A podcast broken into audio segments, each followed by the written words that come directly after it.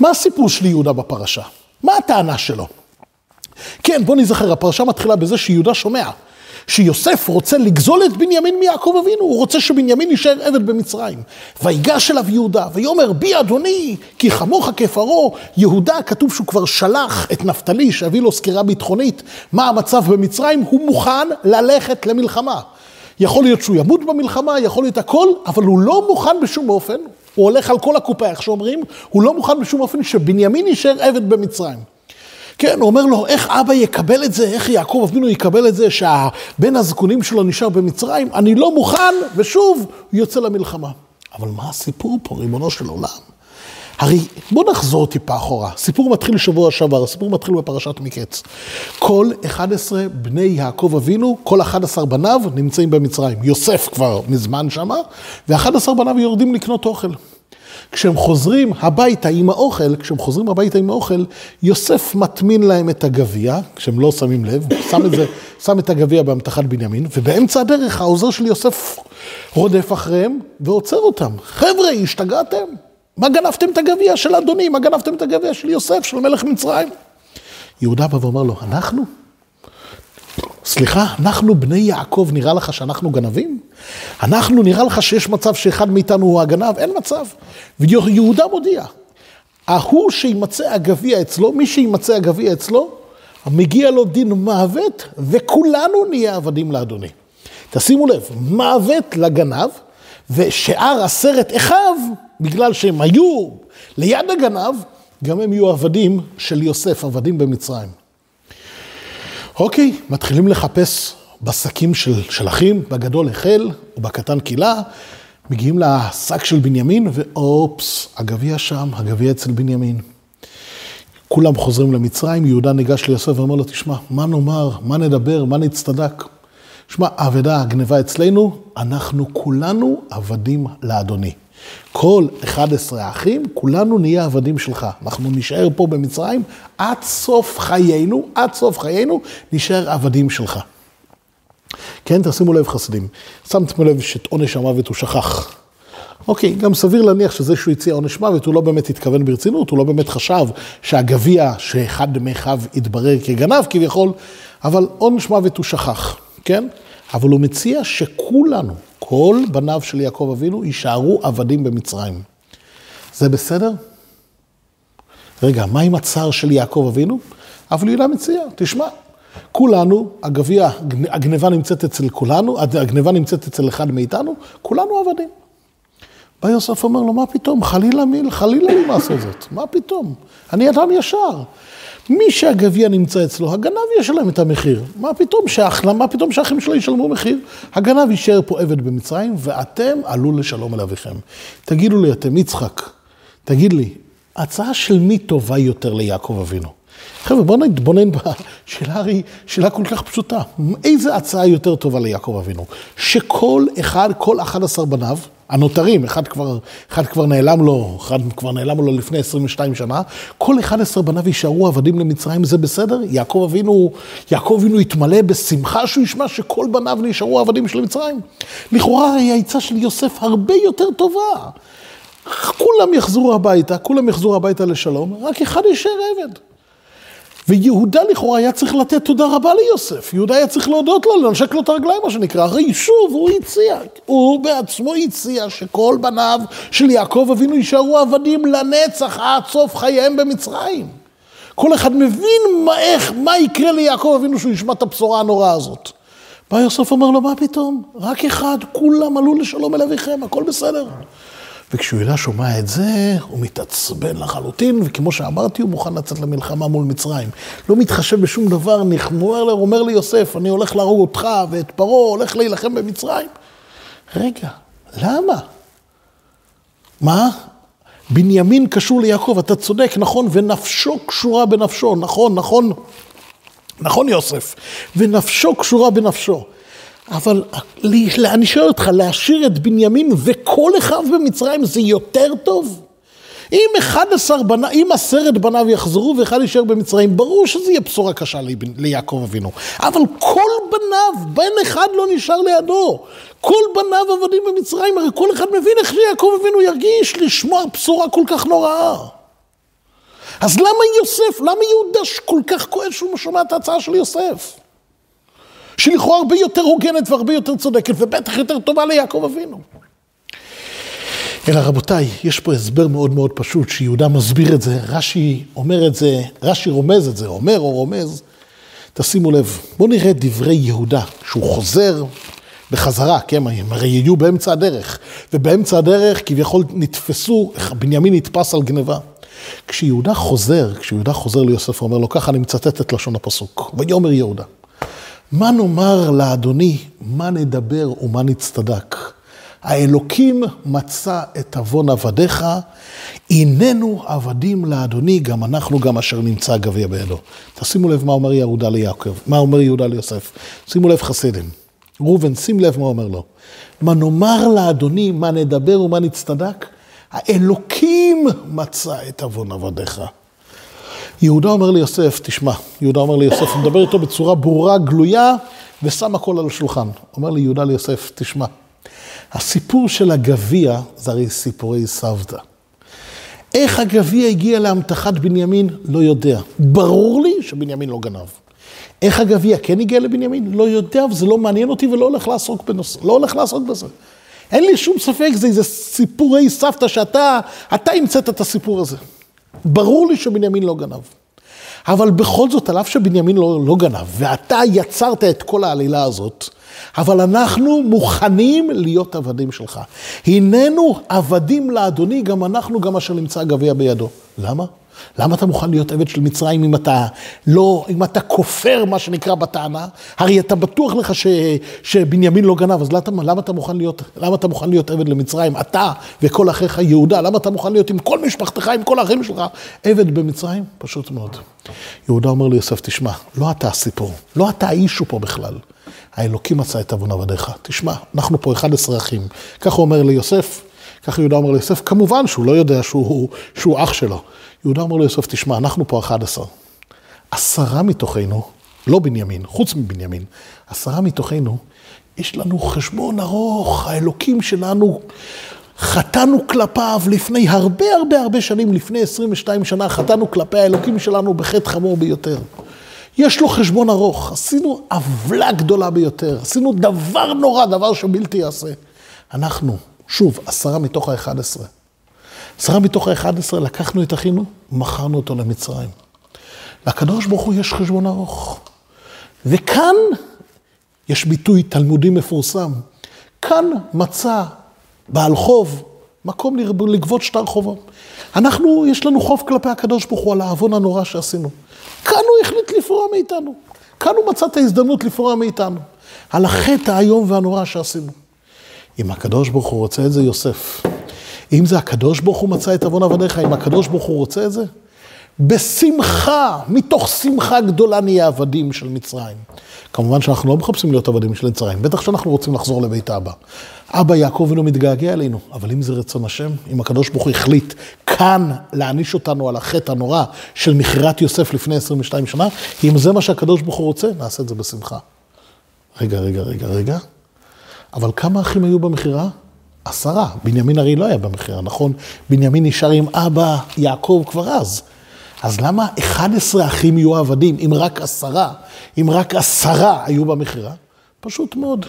יש מושג שנקרא נטפל לעושי עבירה. הגמרא אומרת, אתה רואה עושה עבירה, אל תצטרף איתם. גם אם אתה לא עושה שום עבירה, אל תלך עם עוברי עבירה. לפעמים העונש גם מתגלגל על מי שמצטרף לעוברי עבירה. יהודה אומר ליוסף, האמת היא שבנימין לא עשה כלום. אבל הוא מסתובב עם אנשים, ש... עם אנשים שבעבר עשו עבירה חמורה ביותר. אז שהקדוש ברוך הוא החליט, הקדוש ברוך הוא החליט להעניש את העשרה, גם בנימין, מה שנקרא, גם בנימין הצטרף. היה, כביכול היה איזה ביש מזל שהצטרף, ולכן גם הוא מקבל את העונש, גם הוא יהיה עבד איתנו. אבל לא בכלל, לא בגלל הסיפור של הגביע. לא בגללך יוסף, אין לזה קשר לסיפור ההזוי שהקרצת עלינו, שהמצאת עלינו, שגלגלת עלינו, הסיפור של, הסיפור של הגביע. אנחנו, אני מוכן להיות עבד, עבד של מצרים, אני וכל החי, מוכנים להיות עבד למצרים רק בגלל שהאלוקים מצא את עוון עבדיך. יוסף אומר לו, לא, לא, לא, יהודה, אני אדם ישר, מה פתאום? האיש אשר נמצא הגבוה בידו, הוא יהיה לי עבד, ואתם עלו לשלום אל אביכם. אתם כולכם תחזרו הביתה, כל העשרה, כל העשרה שהיו במכירה, כולכם הביתה. אני רוצה עבד, כעבד, אני רוצה רק את בנימין. יהודה אומר לו, מה? דווקא את בנימין אתה רוצה להשאיר אצלך? דווקא את בנימין? רגע, בנימין הרי הוא היחידי מבין 11 האחים שלא היה במכירה. בנימין היחידי שלא השתתף בחטא הנורא הזה. אז לא קשור למכירת יוסף. זה לא קשור לאיזה עונש משמיים. אם זה היה קשור לעונש משמיים, אז אנחנו היינו אמורים לקבל את זה, לא בנימין. בנימין הרי צדיק גמור, הוא לא היה במכירה, אין לו שום חטא. אתה רוצה להעניש רק את בנימין? אתה רוצה להשאיר רק את בנימין עבד, ואת כולנו נחזור הביתה? אז זה לא קשור למכירת יוסף, לא קשור לעונש מהקדוש ברוך הוא. אתה סתם רוצה לגזול את בנימין מיעקב אבינו. מה פתאום? אני לא אאפשר כזה דבר בשום אופן. אני לא מוכן. אין מצב. אני אהפוך את העולם, ויהודה, מה שנקרא, מוסר את עצמו כמו מלך אמיתי. כמו יהודי עם מסירות נפש עצומה, יהודה אומר ליוסף, זה לא יקרה. בנימין לא יישאר פה עבד, אני אשלם כל המחירים שאפשר, אני אעשה את הכל, בנימין לא יישאר פה עבד. תשימו לב, פה אנחנו רואים מה זה תוקף יהודי אמיתי. פה אנחנו רואים תוקף עצום ביותר. פה יש שאלה מפורסמת. ההפטרה גם מספרת על הקשר בין יהודה ליוסף. אתם יודעים, ההפטרה הרי מעין הפרשה, בדיוק. ההפטרה היא מעין הפרשה. ההפטרה צריכה להיות דומה לפרשה. אבל לכאורה ההפטרה שלנו לא רק שהיא לא דומה לפרשה, היא הפוכה מהפרשה.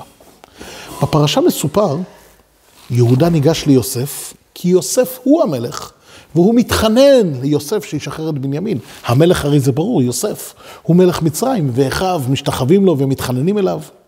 בהפטרה מסופר הפוך לחלוטין. מה מסופר בהפטרה? הקדוש ברוך אומר ליחזקאל, קח לך עץ אחד של עץ יוסף ועץ יהודה, קרב אותם אחד אל אחד והיו לאחדים בידיך. הקדוש ברוך הוא בעצם מסמל, יהיה לעתיד לבוא, לא יהיה שתי ממלכות, יהיה מלכות אחת, והמלכות תהיה כמובן אך ורק של, המלכות תהיה אך ורק של יהודה, לא של יוסף. זאת אומרת, פה מגישים את, פה, מג, פה יהודה ויוסף ניגשים זה לזה, וגם בהפטרה יהודה ויוסף ניגשים לזה, זה לזה. אבל המצב הוא פשוט הפוך לחלוטין. בפרשה, שוב, כמו שאמרתי, יוסף המלך, בהפטרה, יהודה הוא המלך. אבל האמת היא שאם אתה מתבונן לעומק, אז כמו שאמרנו עכשיו, גם בפרשה, באופן רשמי יוסף המלך. אבל האמת היא שהמלכות של יהודה היא הרבה יותר גדולה משל יוסף. גם בסיטואציה שאנחנו קוראים עליה בפרשה. גם בסיפור של הפרשה אנחנו רואים מה זה מלכות יהודית אמיתית. תשימו לב, יוסף היה מלך, אבל בגלל שפרעה מינה אותו. יוסף היה מלך מצרים, כי פרעה החליט למנות אותו. יהודה מרגיש מלך אמיתי, כמו שדיברנו על זה בשיעורים קודמים, מי שזוכר. יהודה מרגיש מלכות אמיתית. אף אחד לא יגיד לי מה לעשות. אני בן של יעקב אבינו, אני בן של אברהם, יצחק ויעקב, אני בן של שרה, רבקה, רחל ולאה, אני הולך פה בשליחות יעקב.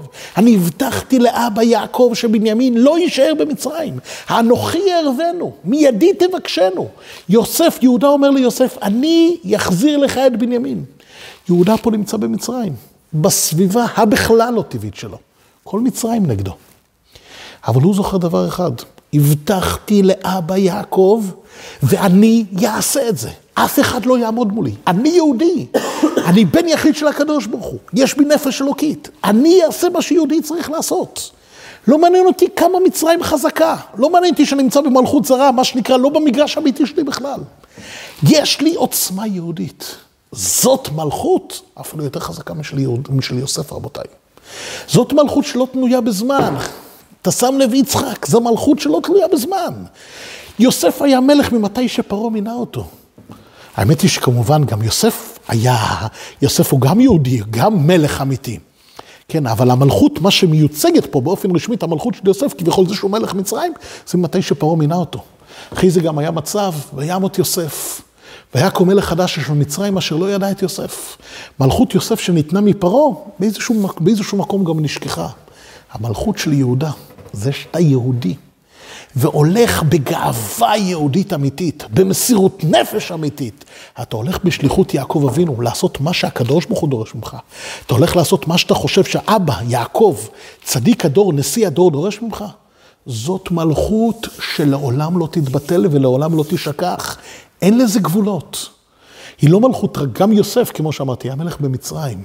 יהודה שהולך עם הגאווה היהודית האדירה שלו, המלכות לא מוגבלת למצרים, הוא מלך באוסטרליה ומלך בניו זילנד ומלך בצרפת ובאשקלון ובכל מקום. כשאתה הולך עם הגאווה היהודית שלך, אתה המלך.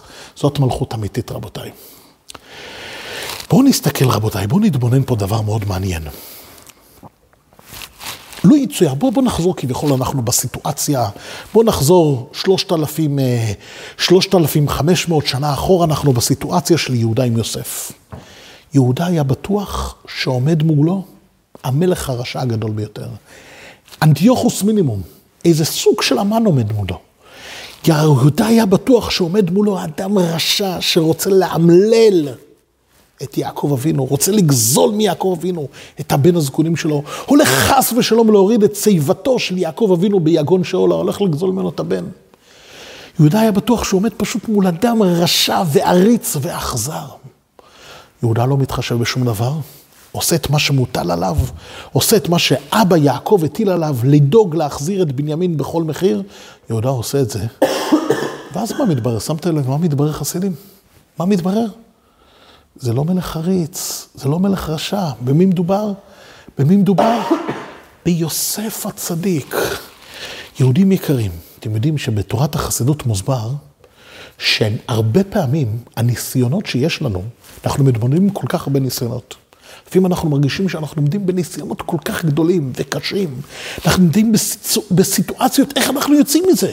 איך אני עושה את רצון השם, הקשיים של העולם הזה הם כל כך גדולים, איך אני, איך אני נחלץ מזה?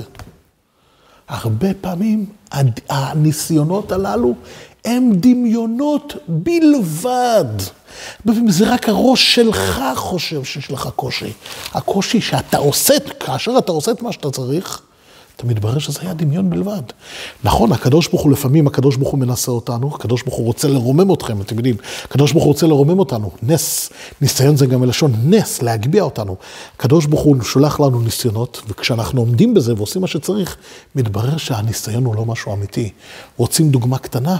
אברהם אבינו הולך לעקדה, אברהם אבינו יוצא מבאר שבע, משקיע בבוקר, הולך לבאר שבע, הולך מבאר שבע, הולך לעקדה. כן, כל אחד מבין, לעקוד את הילד שנולד בגיל מאה, כמה קשה זה, כמה, כמה צר זה הרי יכול לגרום לבן אדם, אבל אברהם אבינו כבש את רחמיו והולך לעקדה. בתורה זה לא מסופר בתורה שבכתב, אבל המדרש מספר שהוא מגיע, הוא מגיע לנהר. זוכרים, הזכרנו את זה לפני כמה שבועות.